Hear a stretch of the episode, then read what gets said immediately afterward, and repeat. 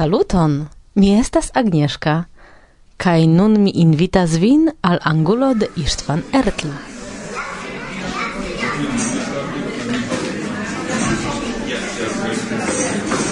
Do bonvolu la laster paŝo antaŭ la mielvespero estas Istvan Ertl.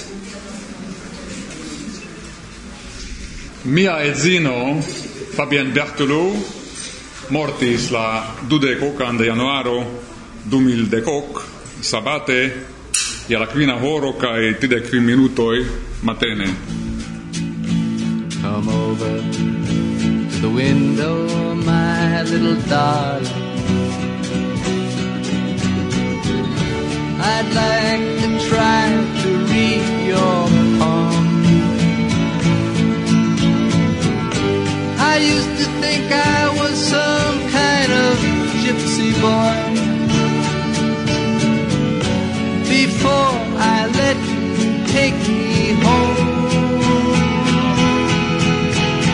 so long.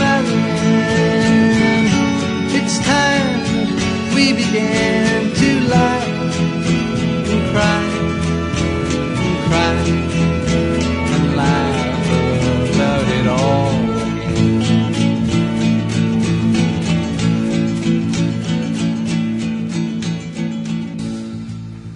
Vi audis parton la canto So Long Marianne Leonard Cohen.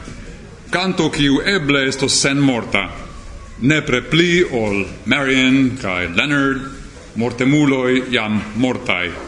La canto pri ilia amo existas, ili ne plu existas. Ciu ilia amo plu existas? ciu mia amo? ciu mia amo al Fabien, kiu mi pli forte sentas, ne plu existas, cer gia objekto malaperis? Sendube nia amo productis aferoin transdaurontain, sed kie gi mem estas nun? En mia coro, sen cela, sen objecta sen senza, mia edzino Fabien Bertolou mortis la dudec ocan de januaro 2010 matene de la quina horo tridec quin. Ni ne tui annuncis sia morton cum mia filo, ni stelis tempon, posiris la sessa horo dudec quin matene, cae telefonis heimen la sepa, respondis la respondilo con sia vocio, cae tion gis hodia mi ne shangis. Posta gis la sepa dude quina pud la hospitalo en baceio mi matem mangis cum mia filo, quiu pasigis tion lasta nocton cun ni. Gis la dec dua tridec, ni povis resti cum Fabien, cae posta gis la trideco, tridec cum psicologo de la hospitalo dum moni forportis shin. En la postag meso ŝia frato iris por anonci la forpason ĉe la oficiala instanco. Je la deksesa tridek ni vizitis funebriston dum tuta horo kaj vespere hejme ni rigardis familiajn videofilmojn. Mi komencis fari notojn. La dekduan de februaro. Kiam Fabien last lastfoje iris alla supra etaĝo? Mese de decembro ŝi ankoraŭ estis forta, Ciam si iris laste alla celo, ca cion libron si laste legis, cio estis la strato de Tagna de Calec Nivile, povus esti chart ce la pagio tidec du estas tiu faldo cion si ciam faris ce la pagio randoi ca cion mi tute ne shatis. Ciam si laste dormis en sia lito, tion mi precise memoras. Nun nia domo aperas al mi kiel ia spezza praarbaro, en kiu mi konas pado en sed da ceterain parto mi nun devas iom post iom malkovri, pro iu urgio, estas iu necesa riparo, au simple char mi devas shangi da litucoin. e mi ciam havis ciceronon en tiu ci arbaro, o forstiston, sed nun, nun mi staras perdita. La tidec unuan de januaro mercrede, inter la unua ca la tria matene, poste la sepa horo matene, mi verkis ŝian funebran paroladon. Je la deka tridek, ĝis la dekunua tridek, ni havis la ceremonion en la tombejo, de la dek dua ĝis la dekvina tridek ni estis en restoracio kun kelkaj ĉeestintoj. La dudek duan de februaro, en la banĉambro, unu flanko de la breto estas daŭre okupata de ŝiaj objektoj. Kaj mi foje rigarda ilin estas por ŝminki ŝin, ĉar ne plu ŝi havis brovojn kaj necesis ŝanĝi, meti brovojn sed tiu in objekto in iom post iom iam translocos, jetos objectoin eble ebleam faris, kai venos la tago ciam nenio, prescau nenio, estos plu dia cia si ki am mi ordigas aferoin in la vanciambro, mi pensas pri la tirkesto de mia poemo al si. Cutim vi estas. Cutim vi estas iam kiel aer, rigardo mia vidas cie vin, en shanco fundo, en tircestoi miai, en propra cerb, cae mi vin ne rimarcas. Sed last vespere, ciam vi envenis la chambron, cae subite mi de nove consciigis pri vi apuda, mi vin, sen ausculti, rigardis mire, la oculo infermis, cae silente ripetadis, cutim si estas jam kiel aer. La 1 de februaro Jaude mi stiris presca la tuta antago naute gis sia villaggio. La 3 de februaro sabate ni havis ceremonio nella villaggia pregeo cae poste accepto nella municipa salono amba locoi kiu ni usis por nia du de quariaro in prifrue. La 2 de februaro. Neniam mi cios ciu cae ciam si definitive acceptis la ideon morti ne estas same timi morton kaj timi mortadon. Mi credas che siam en la jaro 2003 venkis la timon morti, estas texto pri tio kiun si verkis, sed mortadon, sufokigion, si timis.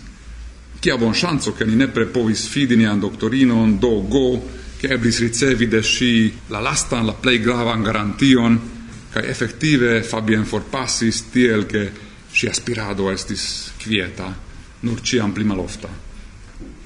La dude quaran de marto sabate, estus sia trindec tria nascistago, ni faris memor feston e Luxemburgo en exa capello de la abateio Neumünster. La dude quinan de marto, si fidis homoen cae precipe ne volis geni ilin. Eble tial sia tro malfrua diagnoso – Si suffice frue iris consulti faculon, ciam si avis suspectum primam doloroi, cae si credis ties misdiagnoson sen serci duan opinion. Cae appena parolis piccio tio al mi, eble char mi estis tiam funebrantam miam patron. La dectrian de aprilo vendrede, fin fine mi reprenis la cindroen e la crematoria gardeio. Postan tagon, ni exterlegge dispartigis la cindroin. Exterlegge, cia Luxemburgio cae Francio ne reconas la raiton disigi la cindroin de unu persono. La dudecan de aprilo vendrede, deca matene, ni locis parton de tivi cindroi en la tombeio de sia villaggio. Oca de maio, en sia agendo de la jaro 1989, agendo cium mi nun vidas la unuan foion, mi trovas mia nomon du foie. Crome, ceiu sa mai fino si notis anonima voco.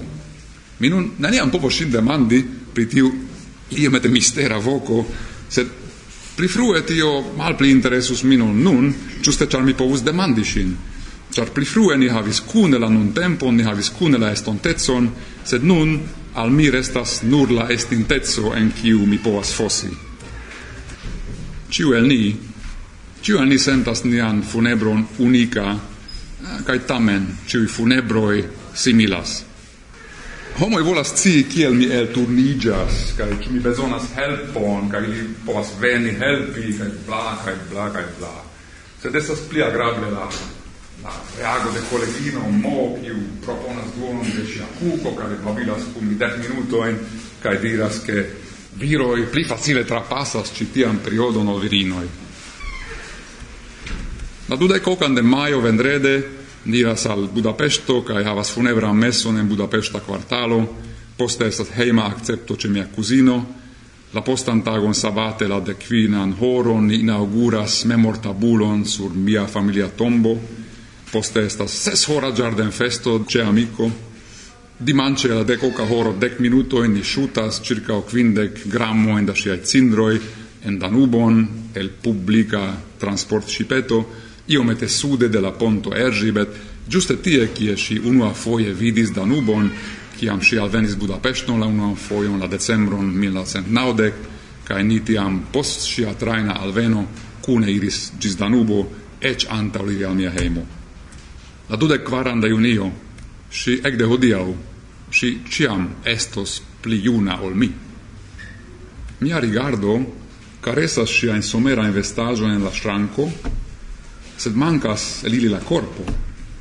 En la salono iom de la corpo kiel cindro ĉe estas. Estas macabra ideo, esas mal ebla puzlo. Antaue, la eventoi existis, porque ni vivu ilin cune, au porque mi poste racontu ilin al si. La nauan de Augusto Civespere atacis min ploremo, ciam en la supra banchambro mi staris ce la fenestro Kai same kiel ce la iar shangio 2010-2011, sed tiam ni duope staris ce tiu fenestro, mi bracon circa la e ni rigardis la arfa irajoen sur strate, ni estis eble iomete tristae pro la foresto de nia infanoi, kiui ski feriis, sed ni ancora estis sen sciae pri la diagnoso kiu venis dec tritago in poste, nun retrorigardante la nuno, nia duopo staris ce la fenestro forta cae cuna preta al comunae el provoi. Ocan de septembro, ciò mi iam povus convivi cun iu alia? Cis nun, tiu demando shainis al mi quasi tabuo, sed nun mi povas foie imagi, cae nun mi memoras dolc amare che Fabien foie diris se mi mortus la unua, si havus problemon, sed Se inverse, tiam ne, char mi rapide trovusim iunan, orient-europan blondulinon cum bluae oculoi. La tude cocan de septembro, mia filino revenas heimen por la semain fino, mi alvenas la laboreio jam malfrue, mi vidas shin tra la fenestro del cuireio, si estas cuiranta, gioigas min la ideo che mia filino estas heime, sed subite tra la fenestro siai visaggio, cae haroi, cae es la movoi, cae la poso, cae la occupigio, elvocas bildon de Fabien, qui mi povis tiom da foioi vidi heimen venante tutte simile tra fenestro vespere. La dudec nauan de septembro, sonjo cun Fabien. chiso cae vere fisica cesto, La kison si devis doni al mi iel ludeme, estis iu ludo cun strangae reguloi, Sur la lito mi sidis cae si genuis, approximigis por doni kison, cae cestis iu aliae, se tio ne gravis, Kaj mi credas che la kiso fine ne tutte ocasis, char mi vecigis. Sed, malgrau tio, la scio che la kiso es ocasonta, sentigis min felicia.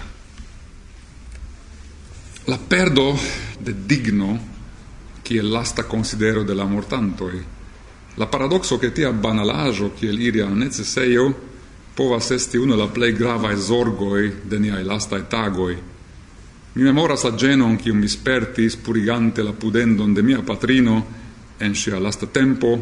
Mi memoras la gioion constati che mia patro fecis, successis feci, mi vidis en tio garantion falsan de lia pluvivo.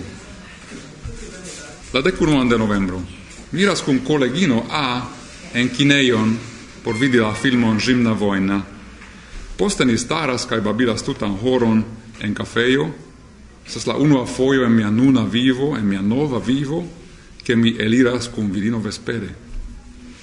Ando l'endormigi, mi turnigas sercias optimuman posizione en la lito, cae mi subite audas la vocion de Fabien, quiu diras: "Pare de gigote!" Ĉu vi cessos jeti giadi? Ec cun giusta sia fras melodio.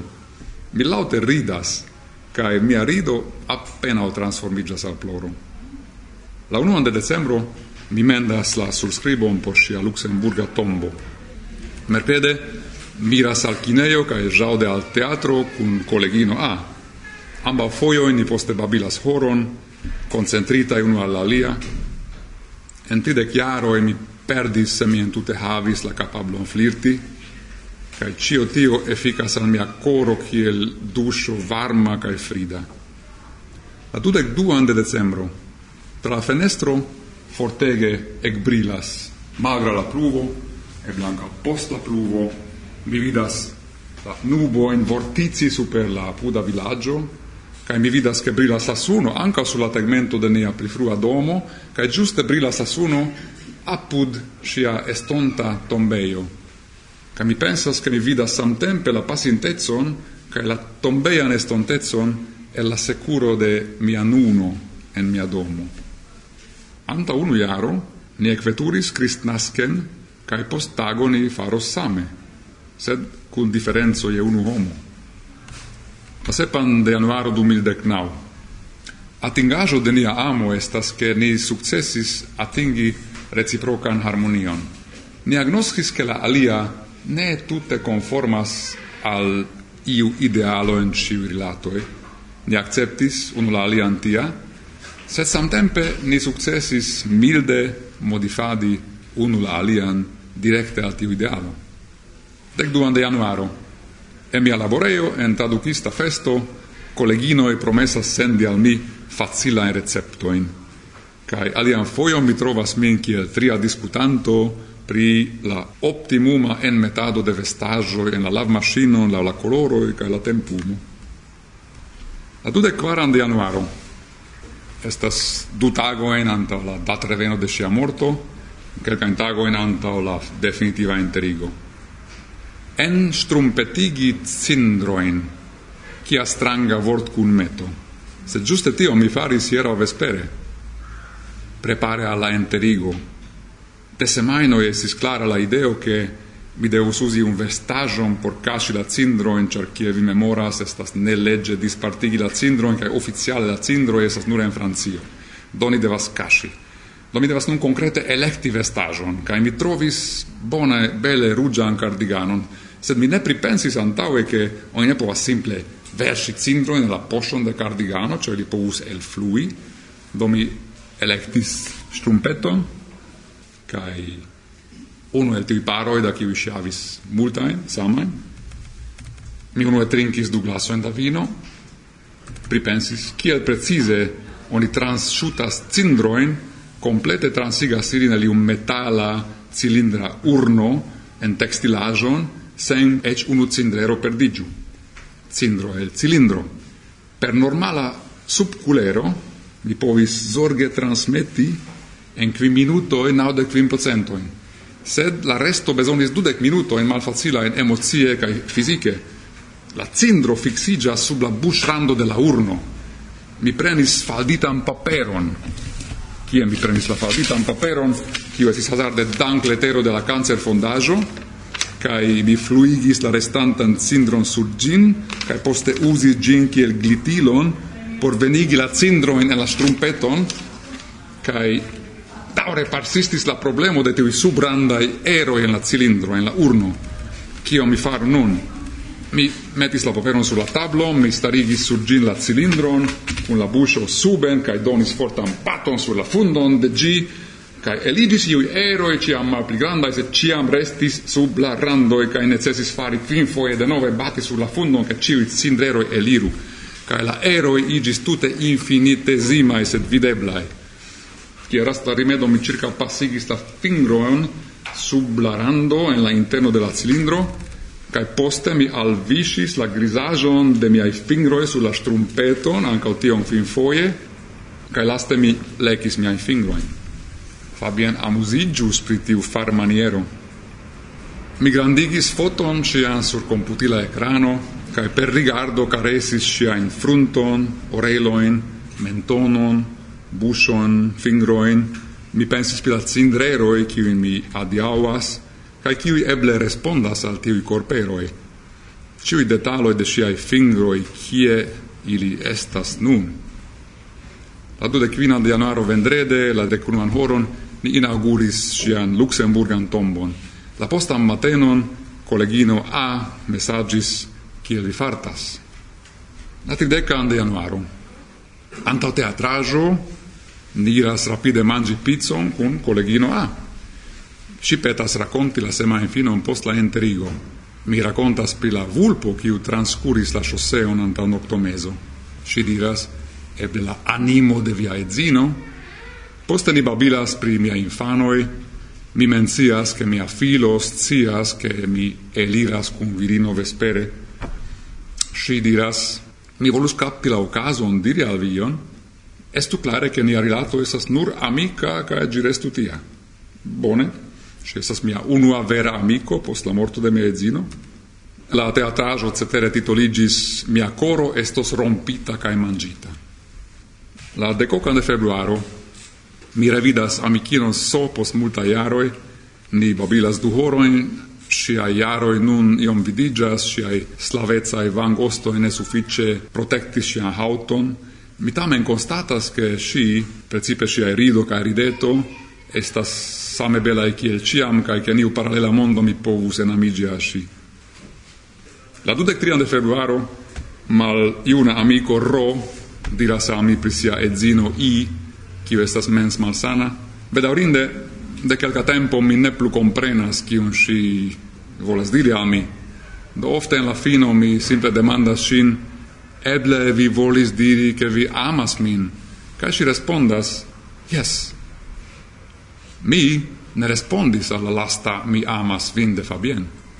Estis dum la unua in iai tri lasta in octoi cuna in la hospitalo, mi massagis cae caresis shin magra ciui tubo e cesia corpo, ciam si diris mi giuas, cae poste si diris mi amas vin, mi ne tui comprenis, cae ne reciprocis vorte, cial? eble char caresadi estis mia respondo. Ciu pli malbonas perdi edzinon kiel mi perdis shin, au perdadi edzinon kiel ro perdadas sian edzinon. Presca un octomese, en la cuireio, mia filo preparas macaronioen por si, mi rigardas lin, cae mi subite sentas la nunetson de la momento. Ni ambo cestas, vivas cae sanas, tiain nunoin oni tractas evidentajo sed ni devus pli apresi ilin. La 30 de aprilo mi visitas orienta Europan urbon, mi revidas elementojn de conata visaggio sur diversa virinoi sed anca la tre virina figuro de Bo, cum kiu mi conatigas estas fascina cae fisice cesta Gesto de amicino A Per amba mano e leggere scuetas la hararon, poste clinas la capon, cae blovas supren nel la haroin. Mi observas. Kiom da gestoi de Fabien restis sen observo mia, cae nun, eterne, sem prescribo. Kiom da cies niai gestoi da nia individuezzo perdigas por ciam, cae ciu gravas. La dudek duan de maio, iam tri semainoin, ni mesaĝumas cun Bo, Nun ni pasigas tri horojn cune. Kiam mi parolas pri mia infano e si metas mano e sulla mia en cosa por doni forton. Kaj poste ni eliras, kaj si proponas sian pluvombrelon, kaj tute nature acrocigas al mia braco. Por mi jam tio estas tre forta sento. Tamen iam si devas foriri. Mi postrigardas ŝin, ĉu mi iam revidos, giuste nun, ciam mi comencis konatiĝi kun Ma du dudek sesan de maio, Morgau, dexes monatojn post la morto de Fabien, hieraŭ plia pascio en la evacua proiecto. Mi forigas la dormo chambro, la scatolo en cae fotografaggio en kiuj cusas tie de marto 2010, ciam ni bildo en por sia memor ceremonio. Poste ankaŭ vestaĵojn de la lito mi forigas poste aro cae pli. Netuŝite restas nur shalo cae covrileto sur la kapkuseno apud mi longa ceno de messaggioi cun bo, si scribas al mi. Nur unu foion pli frue mi rencontis iun kiel vi, cae tion mi edzigis cae amas. Mi ne povis imagi renconti iun kiel li, cae tamen ocasis, mi rimarcas che vi mancas al mi. 40 junio, amicino A intense scivolas pri mia provo curso pri yogo, mi rapportas te detale, si proponas che mi venu al sia yogo curso, yogo esas plia afero kiun neniam antaŭe ni consideris fari kaj nun kial ne? La kvinan junio Bo enamigis al mi. Enamigis al mi kaj mi ne kuraĝis kompreni tion. Ŝi emas ekscii ĉion ajn pri mi kaj mi pri ŝi, sed ŝi finas jene. Mi sendas min allogata al vi, mi volas koni vin, sed ne volas malŝpari vian tempon, vi devas serĉi virinon kiu estu via partnero. Mi respondas, amo estas ne antaŭvidebla kaj ĝi povas meti nin en situacion kie ni ne volas esti sed amo non ne facile forpelas nur ĉar ĝi estas malpraktika ni devus ree renkontiĝi la dudekan de junio pli frue antaŭ ol ni korpe konatiĝis kun bo niaj mesaĝoj estis por mi emocie agrabla tiklaĵo sed nun ili estas vera ŝtormo por mia koro antao mia logico estis, ni provu, esas nenio por perdi, sed nun, ĉu esas nenio plu por gaini tiam mi perdus. Kaj si scribis hodiaŭ, ke si ne povus trompi la edzon kun taga regulezzo La deco de julio, hodiaŭ Bo petis ĉesigi nian komunikadon. Antaŭ semaino mi scribis a si ni pasigis kune nur quarde coroin kaj mi tamen povus verki detalan kronikon pri tiuj horoj, sed kiun nun tio interesus? Tiam si certis vespere che si eliros sen calzoneto en la urbon cae nenios cios Ciam nai trovi trovis unula alian inter la pordo cae la vestibleto, ia la oca vespere, ciam lumis extere, stare do inter tiulito cae pordo cae si iniziatis tion chison ciu ciam devis ocasi, mi baldo faligis la cerceto in de sia robo, tiel che la mamo e rapide liberigis, mi conatisis cun ili, mes grande fierae, firmae, mirindeae, mi chisegis ilin, eciris sia plesuro, bada la tuta robo estis for, si risdusci, revenis, mi tusis la pudendon cae la pugon, cae cio invitis, cae iam salivo briligis per la dentoin en la angele malfermita buscio. Cae poste sur strate si lip attacche interrompis frasom miam por transporti minen unu plian voran chison. La mia psicologo mi ne hesitu usi la vorton funebro, anco pri nova amrilato. Mi rigardas foton, el la jaro 2004, de Fabien mi rigardas siain manoen, cae tio revenigas la senton tusi ilin. Mi povas pensi pri sia corpo, cae voyagi tra gi, sed cun manco e cun breccio en la memoro, nenio garantias che miai memoro estas giustae cae realae, magra che mi tiom ofte rigardis sian corpon, ne nur erotike, sed emocie. Comence de nia rilato si ec midis pritio. Si diris, mi ne esas la oca miraclo de la mondo, sed pos dudec ses jaroi da convivo, cae unu jaro sen si, tiu miraclo farigis miraggio, cindro cae polvo. La cataluna poeto Michel Martí Paul, suferis perdis et zinon en alta agio, li vercis ianan poemon sen vorte. El mia solo aspra mi vin pensas. Neniam plu vi vidos la folioin del poploi in cune ni rigardis de nia soilo doma. Tiom multe perdigis cun vi, che appena orestas la spazio de mi mem por vin memori. Sed la potenza vivo ja explodas, ecen medio tiel ci malvasta, ne pluvi estas, cae la poploi verdas, color crianta vivon cae esperon, cae vivas mi, vivanta, povas pensi vin, cun mi vin crescigi, gis silento englutos min, glutinta vin por ciam.